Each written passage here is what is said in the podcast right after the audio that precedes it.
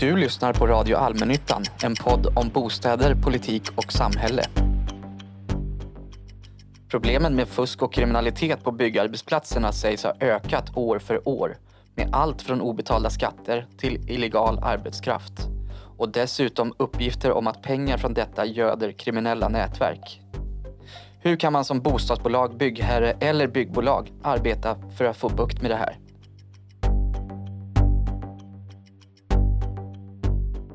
Japp, det är temat för dagens poddsamtal. Och med mig här i studion har jag Sofia Heinz, bygg och fastighetsutvecklingsexpert på Sveriges Allmännytta och Åsa Jarder, projektchef på Skanska. Varmt välkomna! Tack så mycket! Är det en riktig eh, verklighetsbeskrivning? Är det här ett problem som har ökat på senare år eller är det bara att det uppfattas så? Vad skulle du säga Åsa? Som... Ja, vi ser ju att det är allt svårare att eh, få till eh, en eh, konkurrens på likvärdiga villkor. Det är väl det vi ser som den största utmaningen för vår del. Sofia, ser du att det här är ett problem som har ökat under dina år i branschen? Jag uppfattar ju att frågan ökar under den här, de här senaste fem åren när vi har haft en ganska hög byggtakt. Där vi har det ganska svårt att få in anbud till flera av våra projekt och de anbuden man får in då är kanske svåra att jämföra. Får du det innehåll som du efterfrågar? Vilket betyder också att konkurrensen är inte där den borde vara egentligen. Jag tänkte att innan vi dyker in i dagens ämne att vi kör en liten kort presentationsrunda. Sofia, du har jobbat på Sveriges Allmännytta i några år med nyproduktionsfrågor och lite specifikt med eh, ansvar för kombohusprojekten. Men innan dess som projektledare på många olika byggen och gått runt i gul hjälm på massa byggarbetsplatser. Eller? Ja men absolut, det har jag gjort. Jag har både varit entreprenör, det var så jag började efter min examen, byggingenjör. Men eh, jag har också varit beställare och även då projektledare och varit runt på massa byggen och jobbat väldigt noga med arbetsmiljöfrågorna som man gör då som beställare och eh, byggherre Mm. Så du har också haft fingrarna i jorden, eller i planritningarna kanske snarast? Ja, men fingrarna i projekten och se mm. till att framdriften eh, fungerar på ett bra sätt och då måste man ha kontroll över hur bygget framskrider och de här frågorna blir då väldigt eh, nära till hands. Åsa, vem är du då? Hur länge har du jobbat på Skanska och vad gör du? Ja, eh, I branschen har jag jobbat eh, sedan eh, början på 2000-talet. Innan dess så var jag praktikant så jag har verkligen liksom varit med länge i branschen i massa olika roller och också på olika företag, olika typer av företag. Mm. Så att det är min bakgrund. Men idag jobbar jag som projektchef affär på Skanska. Framförallt inom bostad och i Stockholms län. Och min uppgift är ju framförallt att skapa bra förutsättningar för att vi ska ha långsiktiga och goda relationer med våra kunder och hitta bra samarbeten för framgångsrika projekt. Det låter ju lämpligt för dagens ämne. Ja. Just det, jag kanske ska presentera mig själv också. Helene Ahlberg heter jag, är programledare här på Radio Allmännyttan, gammal bostadsjournalist, kommunikatör med mera. Men till dagens ämne då, hur har du kommit i kontakt med den här frågan, Åsa? Ja, jag kom i kontakt med eh, egentligen sund konkurrens och, och, det var egentligen när jag läste Stockholmshems årsredovisningen 2017 där de hade det som en prioriterad fråga. För att identifiera våra kunder och kund, deras kunders behov är liksom en viktig fråga för att förstå deras affär. Och då var det, deras initiativ kring rättvist byggande kändes ju helt i linje med Skanskas eh, arbete kring hur vi får till en sund konkurrens i branschen. Och vi hade då fyra stycken pågående gemensamma projekt så vi hade ju en god grund att kunna testa det här initiativet och se hur vi kunde tillsammans utveckla arbetssätten. Mm. Varför är det så här? Och vad är det för faktorer som har påverkat utvecklingen åt det här hållet med fusk och kriminalitet? Vad ser du där? Jag läste Byggkommissionens rapport Byggbranschen, tillit, korruption och kontroll och hur de summerade det här kring att Sverige är ett högtillitssamhälle och kanske mycket ligger i det, att med hög tillit och låg korruption och främja rättvis marknad. Och det, det liksom, för att få till det så krävs det att alla företag fortsätter vara pålitliga. Så jag tror att det kanske ligger lite där, att eh, börjar vi ta genvägar och ser att, att det går vägen, det är kanske det som vi ser nu, frukten av. Tillit brukar ju betraktas som en bra sak. Jag menar att det kanske har blivit eh, en, en brist på tillit ibland och eh, då börjar man eh, agera på det. Vad ser du för faktorer som har styrt utvecklingen, Sofia? Det är dels en väldigt högt tryck på byggmarknaden. Det gör ju att vi också behöver då ta in väldigt mycket arbetskraft och den behöver då kanske komma från utlandet till viss utsträckning. Vi har en fri rörlighet inom EU för att ta hit arbetskraften och sen så som våra, många av våra byggprojekt är, det är ju stora tillfälliga fabriker och med våran kultur av en stor tillit så har vi kanske blivit lite för naiva i att tro att det ska funka på samma sätt. Och vi har ju parallellt väldigt länge pratat om det här med byggkostnader som fortsätter att öka och öka. Samtidigt så behöver vi mer och mer arbetskraft och vi behöver en stor konkurrens. Så vi får fler och fler arbetskraftsinvandring. Vi pressar priserna så mycket vi kan i alla led. Men samtidigt så stiger priserna så det blir ju också ett moment 22 någonstans. Jag läste att andelen officiellt utstationerade, som det heter då, byggnadsarbetare har ökat väldigt mycket. Från 15 till 70 000 på några år. Är det liksom ett problem i sig att det kommer många byggnadsarbetare utifrån? Eller är det, är det bra för prisläget? Den är ju lika intressant som den här moment 22-frågan. Vi behöver mer och mer arbetskraft och lönerna där till pressas ju ner till minimum. Det är ju egentligen det som det mycket handlar om här, att det är liksom arbetskraften blir nästintill exploaterad och har extremt låga löner. Samtidigt så ökar byggkostnaderna och vi har samtidigt svårt att säkerställa kompetensen hos all den arbetskraft som då kommer in på marknaden. Så det är liksom det kluriga och väldigt tydliga regelverk då. Allmännyttan har ju tittat på vad kostar det att vi har LOU som regelverk i basen att upphandla och vi ser ju att det är ju dyrare för allmännyttan att bygga när vi ligger under lagen om LOU i förhållande till andra privata aktörer som bygger. Det skulle egentligen kanske vara tvärtom, men vi har svårt att kravställa på lika villkor så att vi får en bra konkurrensutsatt marknad i alla fall. Man säger ofta lite svepande, det är en massa problem med fusk och kriminalitet. Men kan ni ge några konkreta exempel? Hur kan det ta sig uttryck? Liksom? Det är illegal arbetskraft, de får för låga eller inga löner. Det kan vara, de får bo på byggnadsarbetarna får bo i någon källare eller i kontorslokaler. Vad kan det vara mer utöver så ekonomisk brottslighet? Kan ni radda några exempel? ser vi också att få till en, en bra säkerhetskultur, alltså mm. att ha en bra arbetsmiljö där vi också får till eh, ja, men att inte språket blir en barriär utan få till bra, hur vi ska ha en kommunikation på våra byggen så att vi förstår, men också kanske hur, hur vi arbetsleder varandra så att vi verkligen fångar att vi har rätt förutsättningar för att kunna göra ett bra jobb, men också eh, rätt förutsättningar utifrån att man får den lön som man är berättigad till. Och det är ju det där som, som vi behöver få upp ögonen på och se hur vi ska kunna kontrollera det. Och med arbetsmiljö, det är då att ha rätt säkerhetsutrustning kanske när man lägger ställning? Och... Ja precis, och vi, inom Skanska så är ju säkerhet, vi jobbar säkert eller inte alls, det är ju vårt motto. Vi har ju haft ett initiativ som heter IFE som handlar om individ, förebild och eh, engagemang som just handlar om att, att få till att det är individen som måste säga till om man ser någonting som inte känns rätt. Eh, och det kan ju handla om så mycket mer än bara att man har hjälmen på sig utan att man känner att man har rätt förutsättningar eh, utifrån det man ser. Det känns mm. bra i magen när man möter varandra på arbetsplatsen.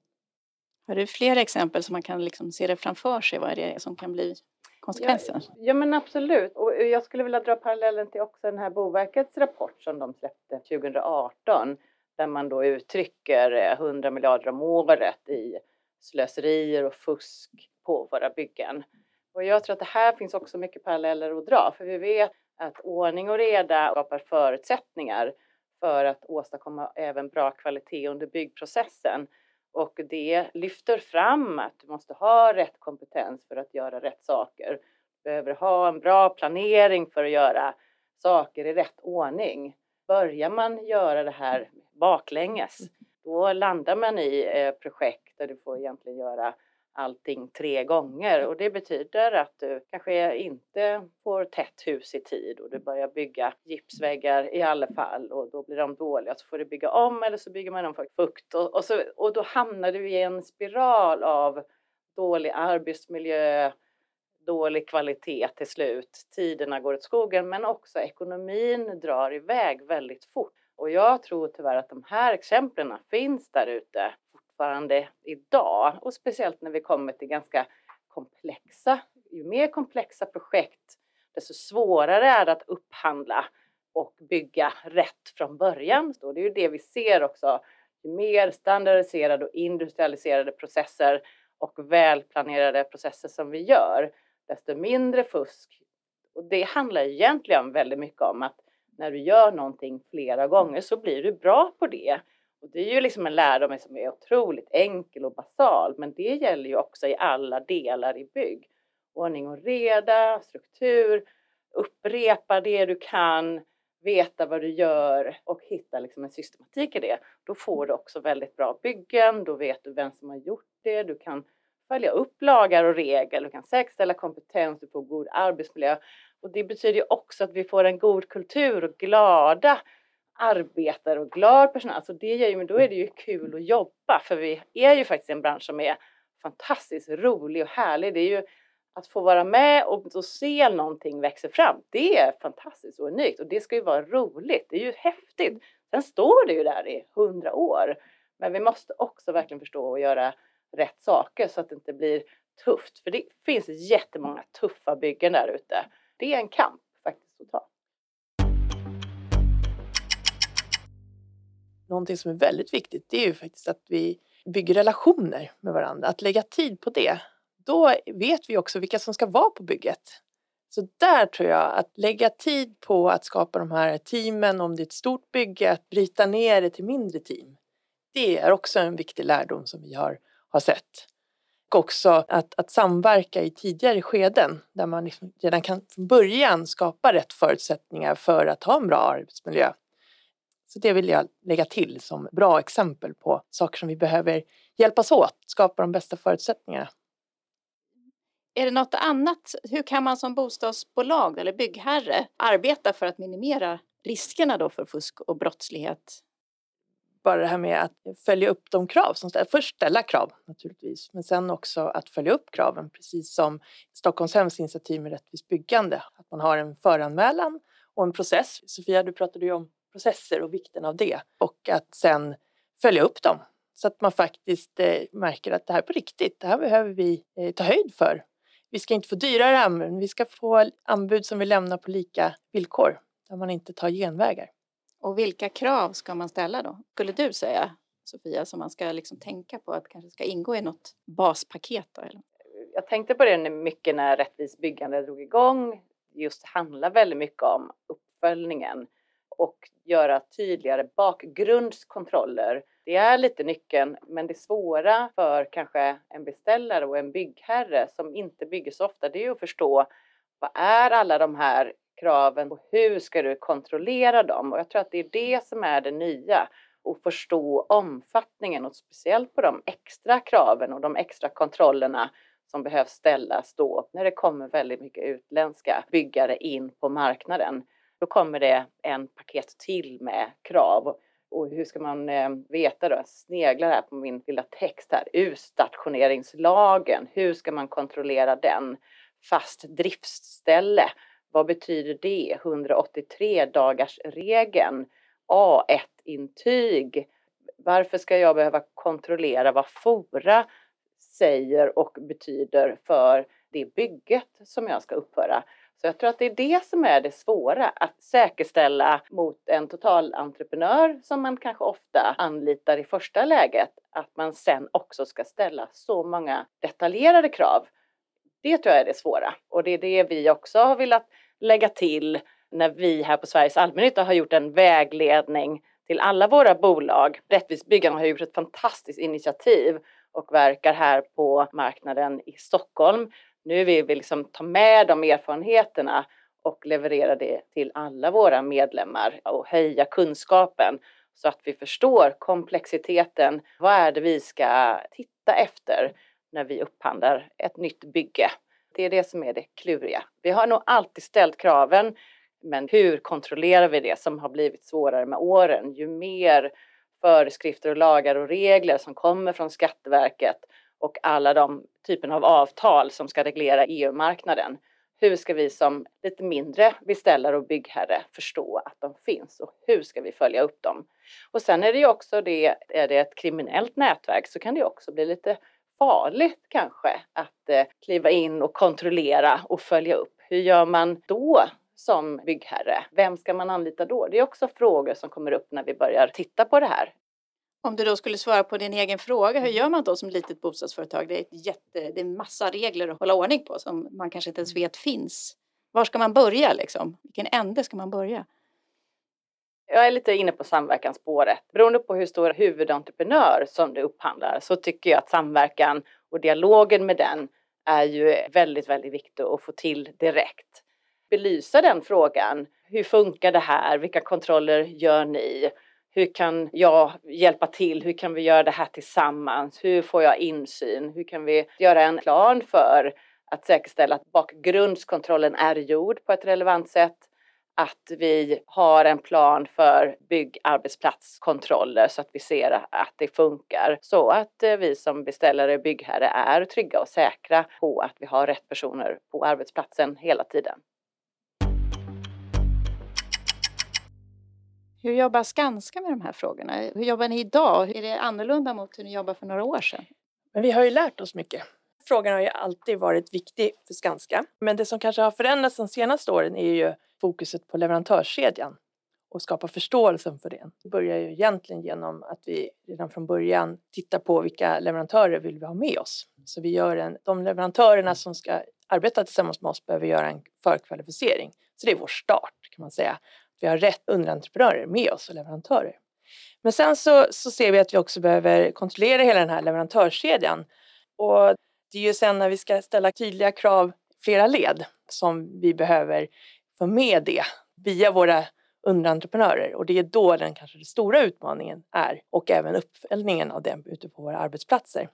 Och där har vi tagit fram ett initiativ som vi kallar för KULA, kontroll och uppföljning av leverantörer på arbetsplatser. Det innebär att vi eh, kontrollerar samtliga företag och individer som ska utföra arbete på våra arbetsplatser. Och det är ett eh, digitalt hjälpmedel. Kortfattat kan man säga att alla leverantörer på våra arbetsplatser föranmäler sitt företag och det är individer som ska vara på arbetsplatsen.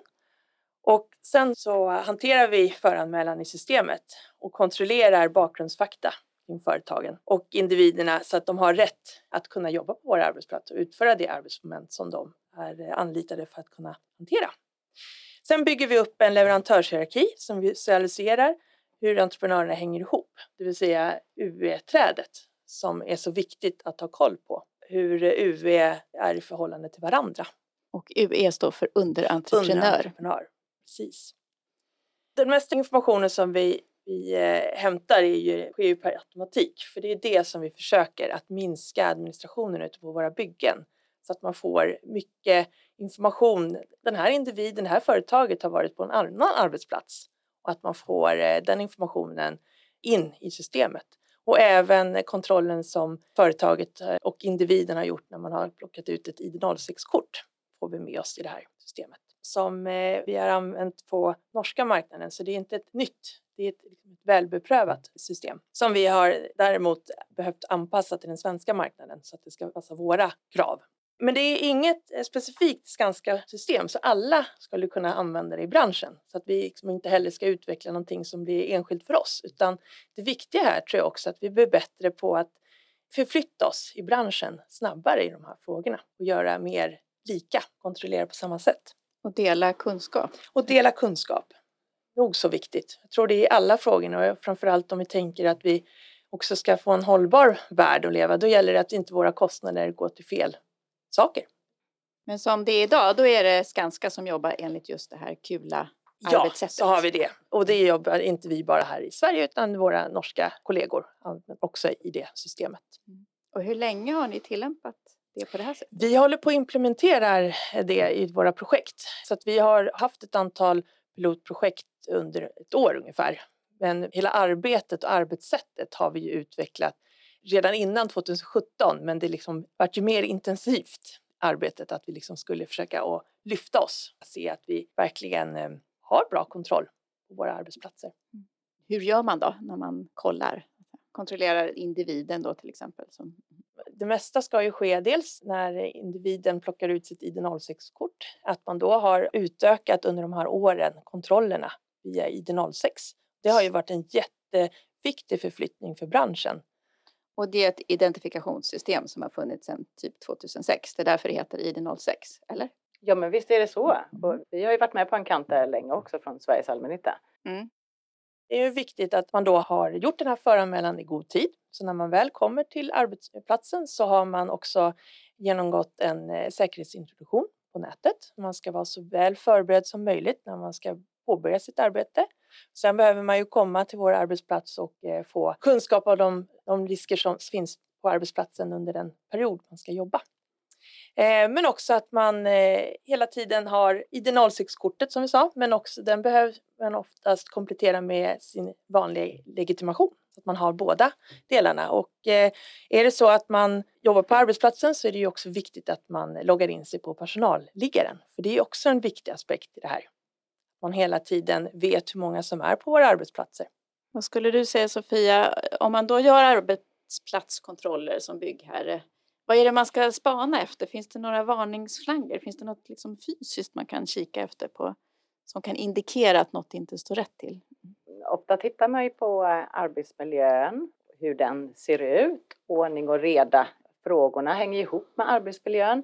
Det som är rapporterat mycket utifrån Byggkommissionens rapporter är ju att är det oreda eller man upplever dålig arbetsmiljö eller Stökigt helt enkelt? Ja, det kan vara stökigt. Det kan vara så att det inte finns tillräcklig skyddstäckning, staket, eh, hissar, trappor eh, och så vidare inte är eh, tillräckligt säkert att vistas i den miljön. Det är signaler. Då kan det vara personal som inte egentligen har kontroll på de frågorna. Och då behöver man, om man inte känner att man kan stoppa själv så kan man ju såklart kontakta sin entreprenör om man är ute som beställare då. Vi försöker ju säga till våra beställare att gå ut och titta. Ni all, en beställare har ju alltid rätt att vara ute på arbetsplatsen och göra eh, kontroller. Men det är klart att man har med sig sin entreprenör är ju en stor styrka i det. När jag var ute på byggen som beställare var jag dagligen ute och, och ronderade uppmärksammade om du har någon eh, skyddsinspektör på plats. Men det är klart om du är osäker eller om det är otrevligt så kan man ju ringa Arbetsmiljöverket. De gör ju också kontroller. Så här finns det ju sätt att jobba med det. Men det vi vill också säga nu är ju att man kanske ska ta in eh, och upphandla egentligen konsulthjälp i de här frågorna om du är osäker. Det finns ju specialister som gör detta om man vill ha det stödet. För vi vet ju som sagt att många entreprenörer och många beställare kanske inte har tillräcklig kompetens. Skanska är ju jättestora i relation till väldigt många. Vi har ju väldigt många byggare som är mycket, mycket mindre och många bolag som är mindre. Så här behövs det lite olika typer av kompetenser för att stötta upp då. Jag är lite nyfiken. Det sägs ju ofta att det faktum att antalet och andelen underentreprenörer har ökat på senare år, att det är liksom roten till det onda eller en av rötterna till det onda som har skapat den här situationen med osund konkurrens och fusk på byggarbetsplatserna. Är det så? Är liksom själva faktum att det är fler underentreprenörer och underentreprenörer i många led, är det ett problem i sig? Vad säger du Sofia? Jag vill nog påstå att ju längre leden blir desto lättare är det att tappa kontrollen på de som är på plats. Sen varför det blir så handlar väldigt mycket om att man fortsätter att pressa priserna. Eh, och eh, då pressas det ner i varje led och det kapas, eller man uppfattar att det kapas kostnader eh, genom att man kanske upphandlar leverantörer i flera led istället. Man fokuserar på en, en viss verksamhet i varje organisation och så behöver man köpa en del till och då istället för att anställa fler personal så köper man det i nästa led istället och då, då utarmas någonstans kompetensen fast man egentligen bara vill ha fler resurser till sitt byggprojekt. Så att, ja, man, man förlorar lite av, av kontrollen ju längre leden blir i en väldigt hög byggkonjunktur. Och då är det lätt för liksom, lyckosökare att leta sig in egentligen, för att det är det man vet också. Men nu är tillbaka till tillitsfrågan egentligen. Vad säger du Åsa, är det ett problem att ha underentreprenörer i många led? Det gäller ju att ha kontroll, precis som Sofia säger. Och, och, för oss är ju just Kula vårt sätt att ta kontrollen. Men då krävs det istället någon slags administrativ påbyggnad att göra de här kontrollerna ner i många led, eller? Det gäller ju att vi skapar eh, rutiner där vi också inhämtar kunskap och vi har ju en digitalisering i byggbranschen där vi faktiskt har massa data vi kan ta vara på. Och jag tror att det är den datan vi behöver vara bra på att hantera så att vi blir snabbare så att det inte blir en administrativ börda. Och att vi gör det innan vi ska påbörja ett arbete. För tid är ju också viktigt i den här frågan. Hur ser det ut för Skanskas del med andelen underentreprenörer i förhållande till egna anställda? Vi har idag ingen exakt statistik kring det utan eh, det kommer ju faktiskt Kula hjälpa oss med att också få den. Vi ser ju våra utträd där. Finns det någon sån här eh, tummen och pekfingret feeling för? Jag skulle säga att vi är i behov av våra underentreprenörer. Beroende på komplexiteten i projekten så gäller det ju att få rätt kompetens. Vi eh, har ju så korta UV-led som möjligt utan det handlar ju mer om vad behövs för det specifika projektet. Vad är fördelen med underentreprenör? Det måste ju vara en fördel också, antar jag, eftersom man använder dem. Ja, vi har ju inte alla discipliner inom Skanska till exempel, så vi behöver ju ha, sätta ihop ett bra projektteam med rätt discipliner och kompetens och erfarenhet. Det handlar ju om att, att bygga rätt team, ska jag säga, med rätt kompetens och erfarenhet. Men är det en, en korrekt beskrivning att det har ökat de senaste 10-15 åren, alltså andelen underentreprenörer? Eller har det bara ökat för att antalet byggen har blivit fler liksom? Jag tror att det är säkert eh, både och eh, när det gäller det. Jag tror att det är tillsammans med när vi har en, ett högt tryck på marknaden, det byggs väldigt, väldigt mycket. Så det, det liksom utarmas kompetensen och du behöver fylla på. Och det kanske också finns en osäkerhet att anställa. Så att istället för att anställa så anlitar du i sin tur ett annat bolag för det betyder ju att du inte är lika sårbar som litet bolag en eh, underentreprenör är ju oftast i förhållande till huvudentreprenören eh, mindre.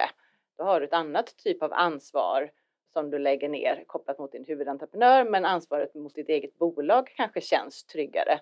Och det är ju avvägningen varje bolag i sin tur gör då. Eh, och det är så det faller ner i nästa led också.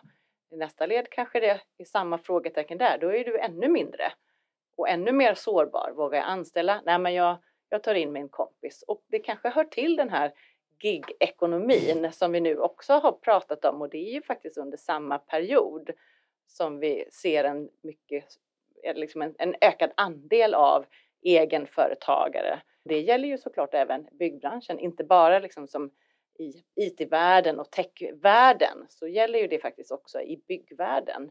Men där har vi en mycket, mycket mer komplexare Eh, produktion, alltså en, en, produktion av ett stort hus är ju faktiskt komplext. Det är enormt mycket byggdelar. Hur många parallella underentreprenörer är vanligt på ett bygge? Det kan ju vara det kan ju vara hundra, alltså det kan vara väldigt, väldigt många. Stort bygge har ju 300, 400, 500 medarbetare på en topp. Och det är mycket folk att hålla reda på. Så många företag, så många personer och sen då följa upp leden i det. Och det är också väldigt pressade tider när vi bygger.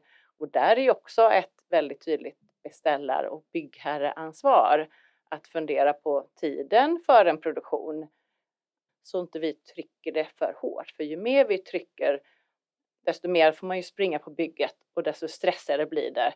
När du har stressigt då vill du ta genvägar. Det är ju, vi kommer ju in i de här mänskliga beteendena Måste jag verkligen sätta upp det där räcket bara för att jag ska slå den där skruven i det bjälklaget som tar 10 minuter. Men det tar en dag för mig, eller ett dygn, eller kanske två veckor för att få dit räcket. Det är de frågorna hela tiden som man står för på ett bygge. Så det gäller att förstå det här också. Hur funkar det där ute i situationen? Och ta hem det. Okej, okay, jag måste förstå att jag behöver lägga på två veckor till för att säkra just den typen av produktion eller det byggnadsarbetet. Så det, är det, som, det, det är knepigt. Det, får, det finns jättemånga svårigheter i att tänka sig in problematiken i logistiken. Det är många, många små mikrobeslut från vem, vem... Alltså det är extremt mycket mikrobeslut på ett bygge. Jag tycker att det, det är både det roligaste och det tuffaste när du driver ett bygge både som entreprenör och som beställare. Det är alla, alla mikrobesluten. Och förstå att står det en stege mot en vägg så säger du nej, sluta jobba. Och då kanske bygget tar en vecka längre tid. Ett sådant beslut kan vara, ha stora konsekvenser. Hur gör du då? Men en standardisering gör att det blir färre mikrobeslut som behöver tas, eller? Ja, men precis, för då har du kanske redan tagit dem en gång och du vet att de besluten är rätt. Så då behöver du inte ta de besluten en gång till för att du vet att besluten finns redan egentligen på plats. Så du kan bara göra dem en gång till på exakt samma sätt. Mot en ny plats bara kanske då. Det finns ju bostadsföretag som vill skriva in i sitt entreprenadavtal att man inte vill ha, man i stort sett förbjuder underentreprenörer i flera led, att den entreprenör man anlitar inte ska få anlita underentreprenörer i sin tur.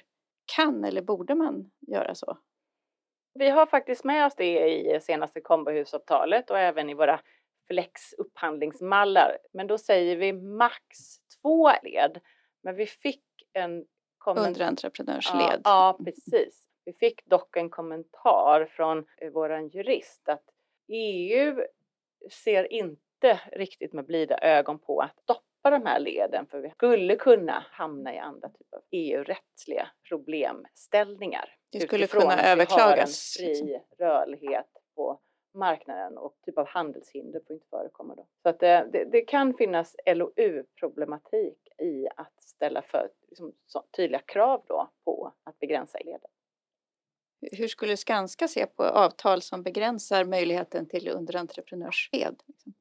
Jag tror det är svårt att göra en generalisering. Vi har ju både storleksmässigt så stor bredd och sen har vi ju också komplexiteten som kanske kräver att man har en väldigt speciell kompetens som man behöver. Att eh, ge ett generellt svar, det får också konsekvenser.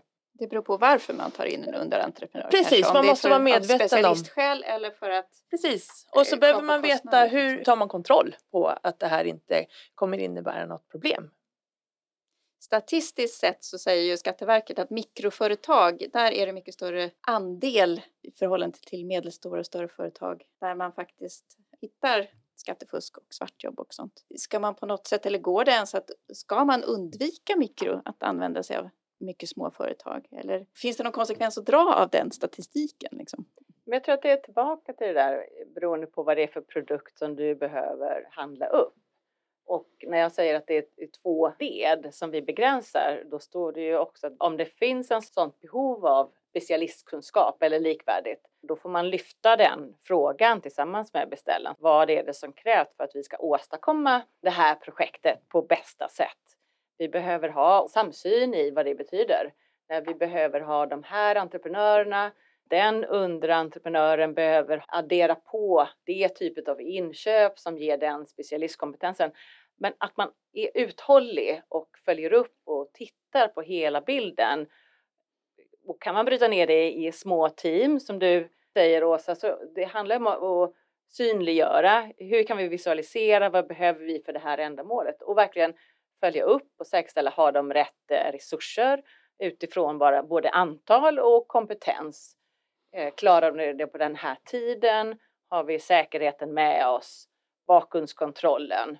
Är då allt på plats i det teamet, ja då kan man gå till nästa. Så går man tillbaka och följer upp. Hur gick det? Vad behöver vi göra mer eller mindre av? Många bostadsföretag har man förstått har levt i tron att om man anlitar ett stort företag, byggföretag som huvudentreprenör, typ Skanska, så har liksom det företaget skött kontrollen neråt i alla led. Men så har det kanske inte alltid gått till.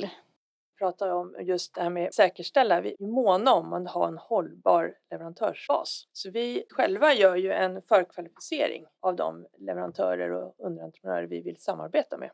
För att se att de både uppfyller, eh, alltså utifrån våra värderingar, att de, de känner att det här ställer vi upp på och också uppfyller alla skatt, ja, skattestatus och kreditbedömning. Så att allt som, som vi behöver ha på plats när vi ska genomföra det här projektet, att det redan är på plats när vi funderar på om vi ska ha ett samarbete med den här leverantören eller ej.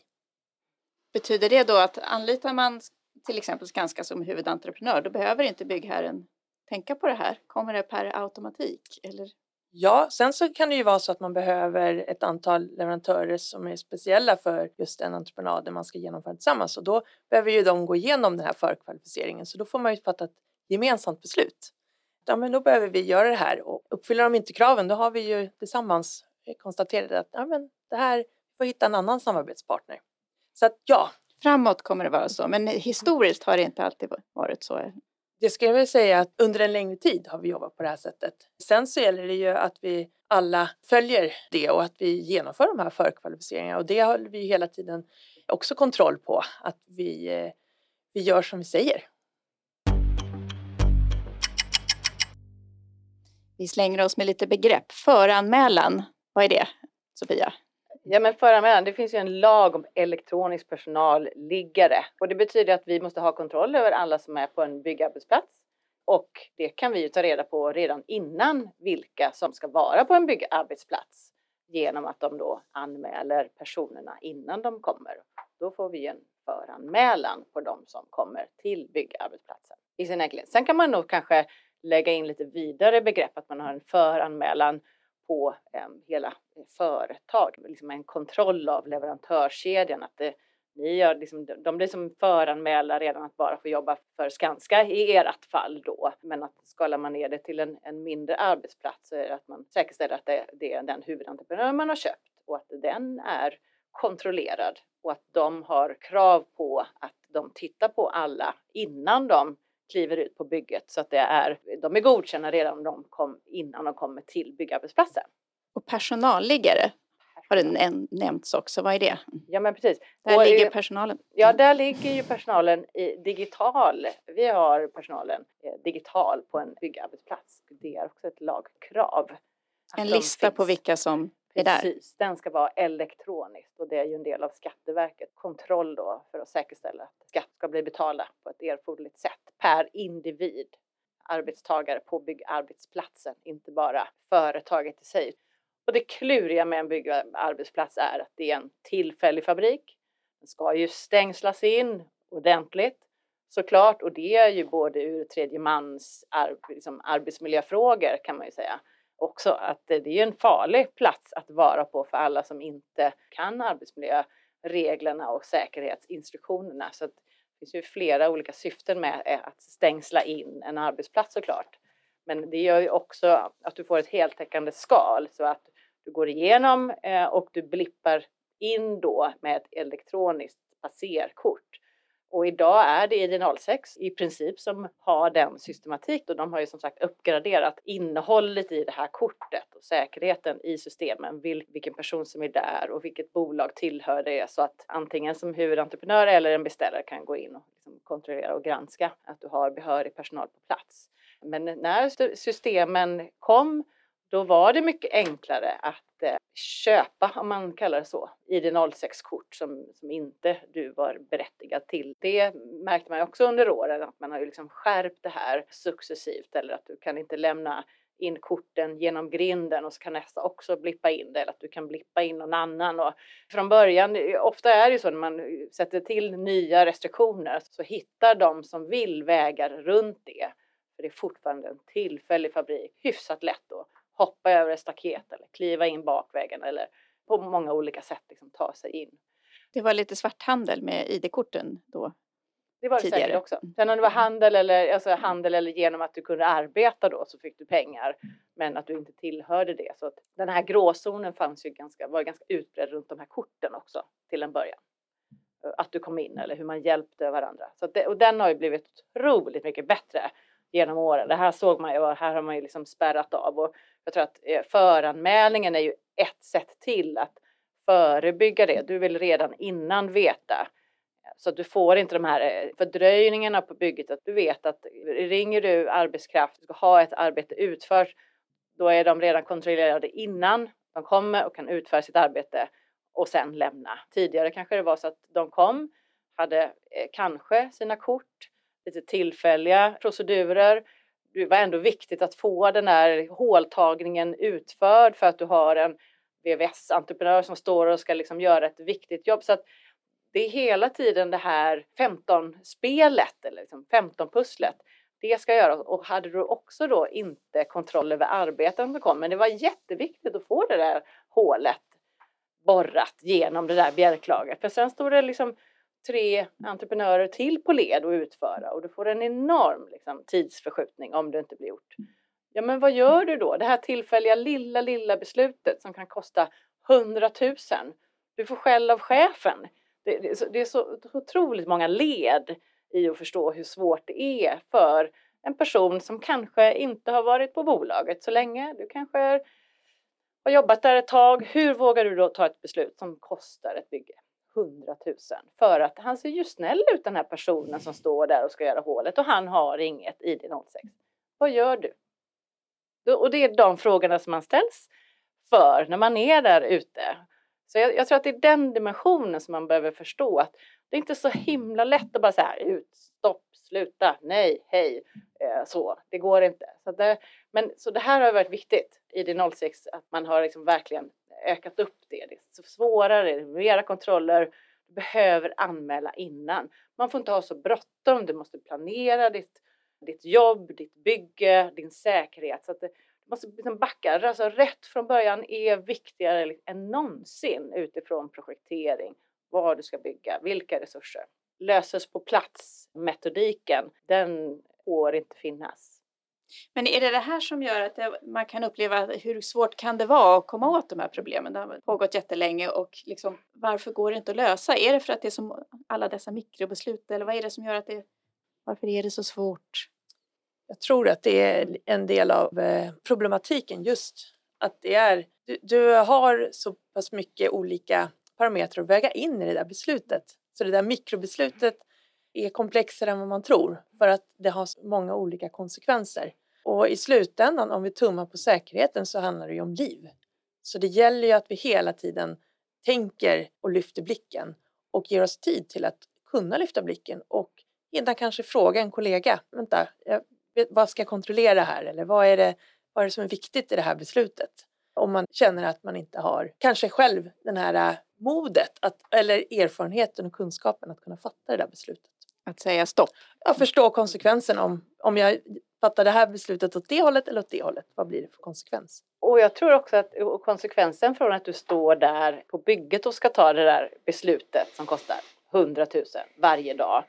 Det kanske börjar med att arkitekten ritar någonting som är ganska svårt att utföra. Och den kopplingen är oftast ganska lång. Det är ganska få på ett projekt eller på eh, även ett stort eh, bolag att ha den kompetensen som når från ritandet av hus hela vägen ut till att undvika de här mikrobesluten som kan vara förödande och kosta väldigt, väldigt mycket pengar.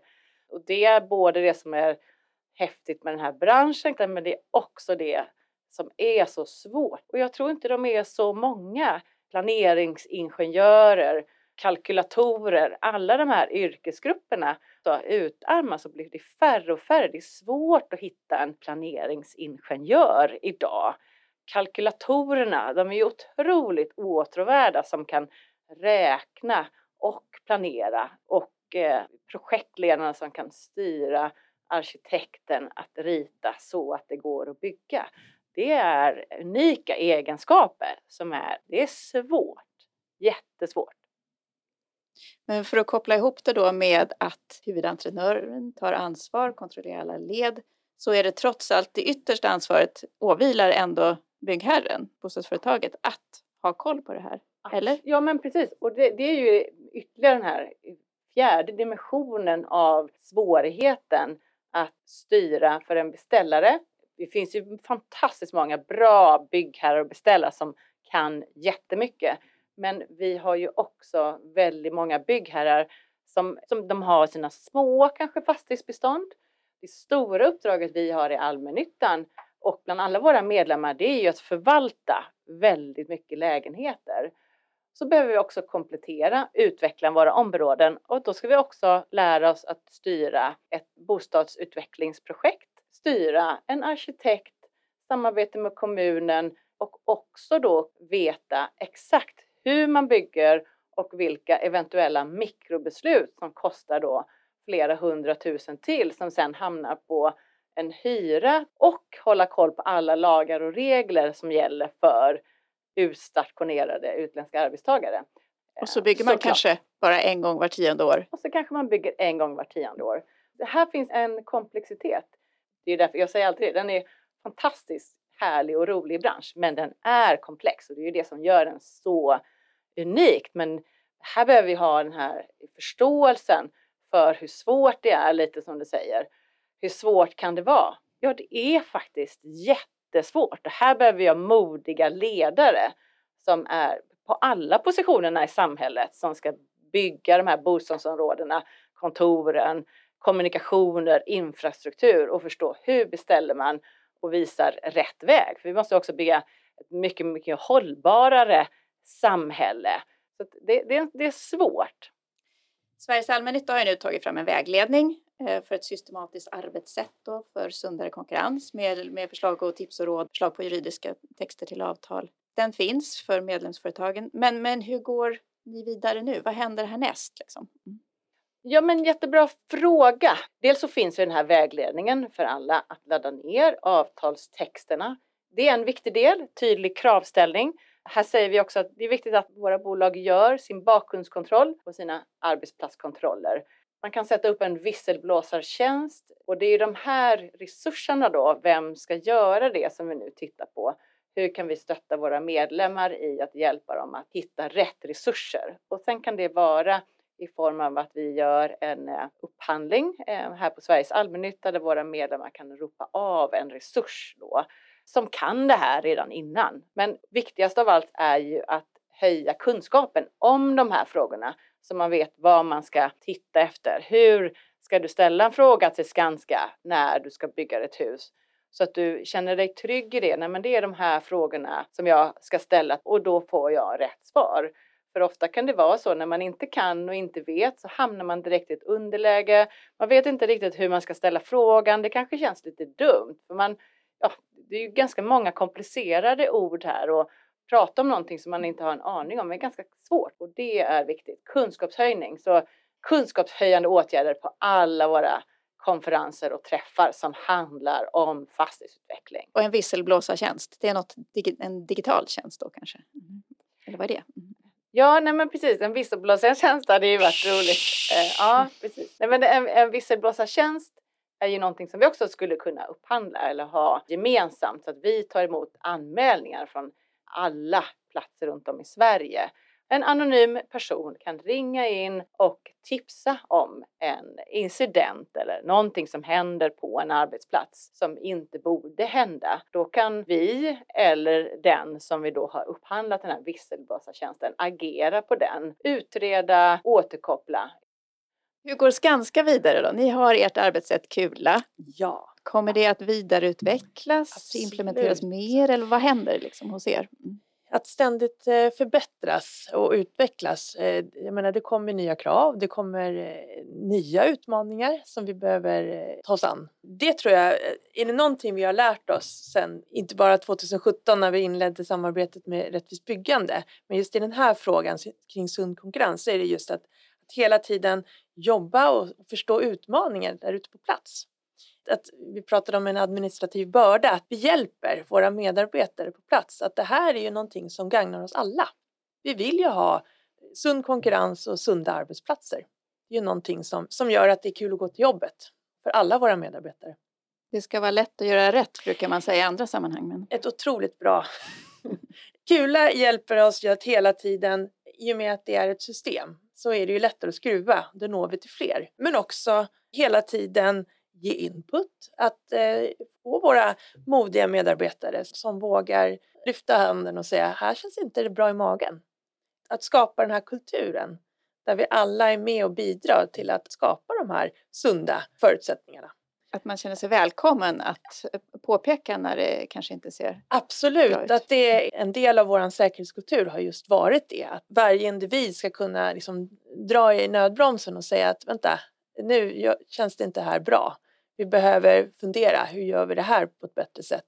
Hela tiden få till den här kulturen där det är i grund och botten att vi bryr oss om varandra. Det tror jag är enormt viktigt, för det är ju egentligen det det handlar om.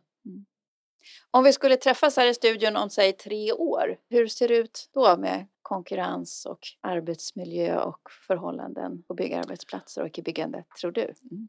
Jag tror att eh, hållbarhetsfrågan och klimatfrågan kommer göra att vi kommer behöva samarbeta i tidigare skeden. Göra en noggrannare planering så att vi kan fatta rätt beslut. För det är ju i de tidiga besluten vi kan göra störst påverkan både på kostnad och säkerhetsperspektiv men också ett hållbarhetsperspektiv.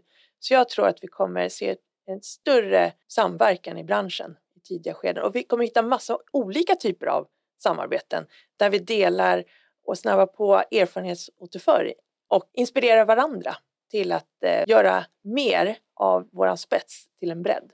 Intressant svar. Vad tror du?